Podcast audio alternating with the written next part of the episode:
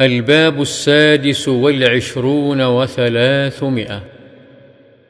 باب تحريم قوله لمسلم يا كافر.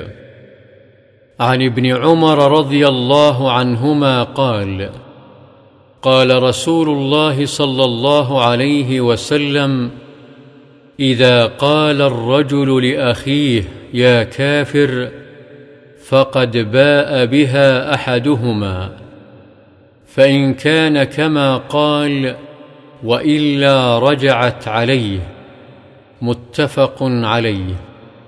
وعن أبي ذر رضي الله عنه أنه سمع رسول الله صلى الله عليه وسلم يقول من دعا رجلا بالكفر أو قال عدو الله وليس كذلك إلا حار عليه متفق عليه.